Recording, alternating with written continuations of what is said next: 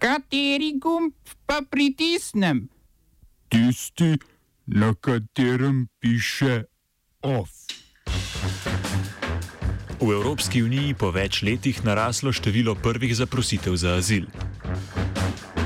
Sindikat delavcev prometa in zvez uložil tožbe zoper delodajalce, ki ne plačujejo prispevkov za pokojninsko zavarovanje.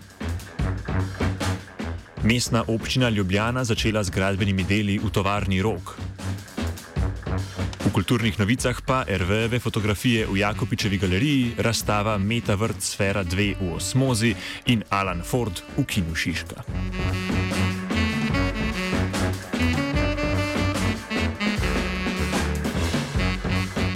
Po podatkih Evropskega azilnega podpornega urada je po več letih naraslo število prvih zaprositev za azil v Evropski uniji. Naraščanje števila prvih zaprositev, torej tistih, ki so prvič uložene v kateri koli državi članici, gre pripisati predvsem prošnjam migrantom iz Latinske Amerike. Medtem ko je še vedno največ prosilcev sirijskih, sirskih državljanov, je Venezuela po številu na drugem mestu. Poskočilo pa je tudi število prvih zaprositev migrantov iz Albanije in Gruzije. Afganistanski prosilci za azil so sicer na tretjem mestu, a je njihovo število treba gledati tudi v luči deportacij nazaj v državo izvora zaradi vprašljive označbe države kot varne. Deportacije v Afganistan so narasle v letu 2016, med njimi pa prednači Norveška. Spomnimo tudi, da migranska politika EU temelji predvsem na eksternalizaciji mej, zaradi katere je migrantom zaprositev za azil onemogočena.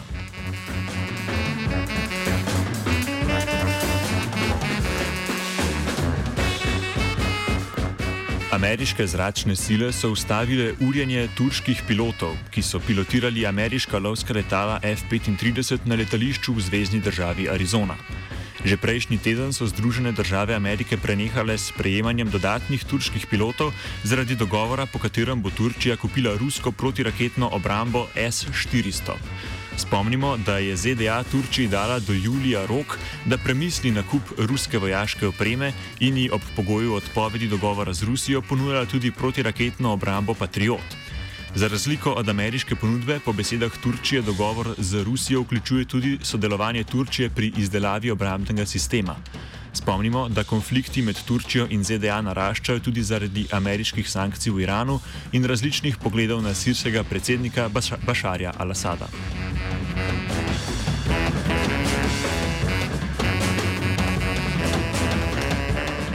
Izraelska vojska je sporočila, da ustanavlja posebni odbor za boj proti uporabi drog v vrstah izraelske vojske. Razlog ustanovitve naj bi bilo vse več primerov drogiranja vojakov v vojaških bazah, v kar je všteto tudi kajenje kanabisa. Izraelska državna agencija za boj proti drogam je namreč po lanskih podatkih zabeležila naraščanje števila vojakov, ki kadijo travo. Od 11 odstotkov vojakov v letu 2009 je delež narastel na 54 odstotkov v letu 2017. Vzpostavljen odbor bo imel pristojnost ukinitve privilegijev vojakov, kot je denimo ukinitev dela prostega dneva na praznik. Spomnimo, da so med zadnjimi incidenti septembra lani 35 vojakov zaradi uporabe in tihotapljenja drog tudi aretirali. Oba, če bom odgovoril na angliški. Slovenija bo poskušala pomagati. Slovenija bo naredila naš utmost, da bo rekla, da je situacija naš problem, sami. In da bomo naredili nadaljnje korake, as soon as the conditions are. Bomo vlado Marjana Cererera Šarca podprli. Very, very serious. News from Slovenija. We know how and we will. Kot poroča spletni portal Siol.si, je Ljubljanska načkofija ponovno odobrila posojilo zadolženi Mariborski načkofiji oziroma zavodu Antona Martina Slomuška.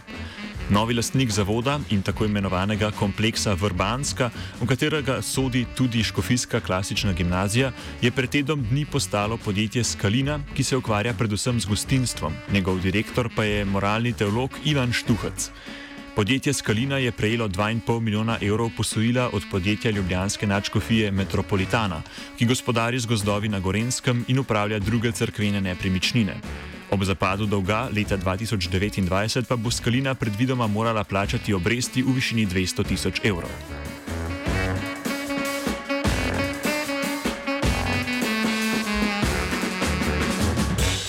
Za reševanje kompleksa Vrbanska je Mariborska načkofija do sedaj porabila 5 milijonov evrov, ki so jih zbrali s tujimi in domačimi donacijami po župnijah. Spomnimo, da je metropolitana v času finančne krize z 9,2 milijonskim posojilom že reševala holding Mariborske načkofije Zvon 1. Na takratnega ljubljanskega načkofa Antona Stresa so zaradi posojila leteli očitki o neustrezno zavarovanem posojilu, leta 2014 pa ga je papež Frančišek zaradi finančnih težav slovenske cerkve pozval k odstopu. Prostore, zgrajene pred drugo svetovno vojno, je načkofija Maribor pridobila leta 2006 v času vlade Janeza Janše. Večino 11 milijonskega vložka za obnovo je načkofija dobila z očkodninami leta 2006 in 2007, za preostalih 5 milijonov pa je najela posojila.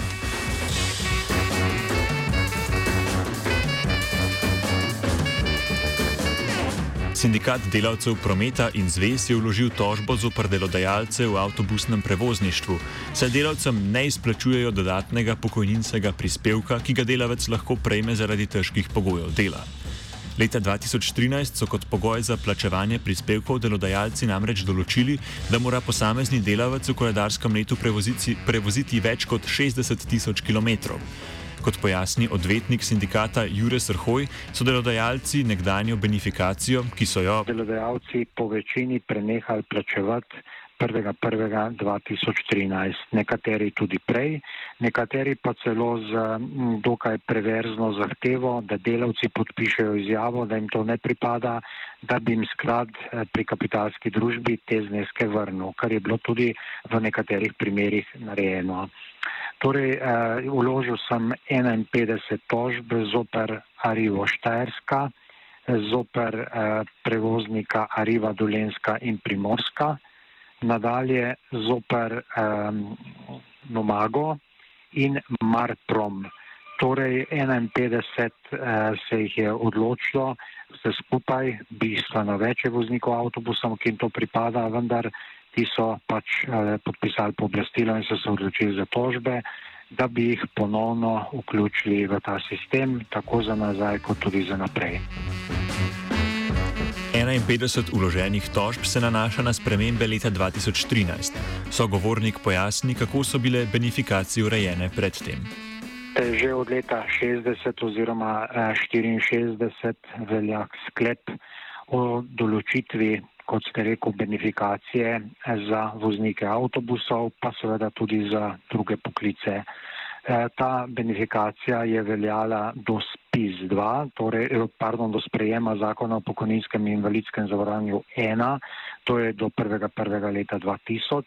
Potem od leta 2000 naprej je veljala tako imenovana uh, uh, delovna doba s povečanim trajanjem in sedaj imamo po spizu 2, torej zakon o pokojninskem in invalidskem zavarovanju 2 uh, od leta 2013 naprej, imamo pa tako imenovano obvezno poklicno zavarovanje. Uh, smisel ali bistvo tega je, da imajo ti delavci priznano 14 mesecev za 12 mesecev dela in pa seveda, da se jim plačuje v ta sklad pri kapitalski družbi prispevek, ki se uh, spreminja in uh, s tem prispevkom pridobijo pravico do dodatne pokojnine oziroma pravilno do pokojnine za čas, dokler ne izpolnijo pogojev po zaredno upokojitev.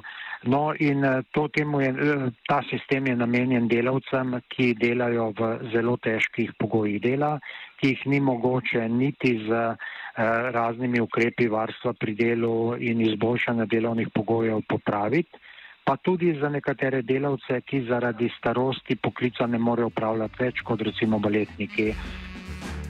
Leta 2013 pa so delodajalci mimo zakonskih določb postavili pogoj prevoženih kilometrov.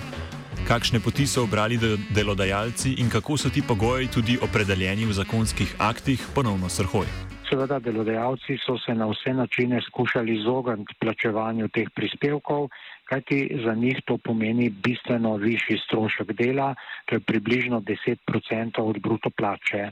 No in v letu 2012 in 2013 so sprožili veliko akcijo preko delodajalskih organizacij, kako bi se izognili temu plačilu in so našli neko zabeležko komisije SPIS, ki je postavila dodatni pogoj, mimo pogojev, ki jih je skupščina takratnega SPIS-a sprejela, ki so jih določali akti in sicer, da ne pripada ta kot rečemo, benefikacija ali obvezno poklicno zavarovanje tistim delavcem, ki opravijo manj kot 60 tisoč km letno vožnje z avtobusom. Ta pogoj je dodaten pogoj, ki nima pravne osnove. Pravno osnovo so trije drugi pogoji, vendar najpomembnejši je ta, da morajo 80% delovnega časa ti vozniki preživeti na delu. Eh, na vožnji z avtobusom in ti delavci ta pogoj seveda izpolnjujejo. Drugi pogoj je, da, se, da je ta firma registrirana za to dejavnost, tako da ti pogoji so izpolnjeni. No in najnovejša sodna praksa, vključno z eno novejših sodb eh, delovnega in socialnega sodišča, je pritrdilo temu mnenju, da eh, pač niso upravičeni delodajalci na osnovi neke zabeležke spreminjati sistema in delavce, delavcem ne plačevati več teh eh, prispevkov. Včeraj so delavci pričeli z gradbenimi deli v nekdanji tovarni Rok, v kateri delujejo avtonomni uporabniki in uporabnice prostora. Rušiti so začeli južni zid na Petkoškovem nabrežju. Na tiskovni konferenci je kot odziv na začetek gradnje uporabnik roga Miha Blažič izpostavil, da uporabniki in uporabnice avtonomne tovarne rok smo ta zadnji, ki si želimo v dotrajanih, poškodovanih prostorih brez elektrike, brez eh, komunale ustvarjati. Se pravi, mi smo prvi, ki si želimo sanacijo, smo prvi, ki si želimo normalne produkcijske pogoje, smo prvi, ki si želimo stopiti in v dialog z mestom in vključiti prebivalce in prebivalke mesta v to, da se ta prostor obnovi in ustreza našim in potrebam vseh ljudi. To, to je naša želja eksplicitno že 13 let. Ne, se pravi, kritični pa smo do posega, ki ga moj želi tukaj narediti. Kritični smo do centra rok, ki mislimo, da ključnih stvari ne upošteva. Samo za to se gre. Ne gre se za to, da bi mi nasprotovali, uh, da se tukaj pač situacija izboljša. Prvi smo, ki si želimo, da se izboljša. Več pa v offsajdu ob 17.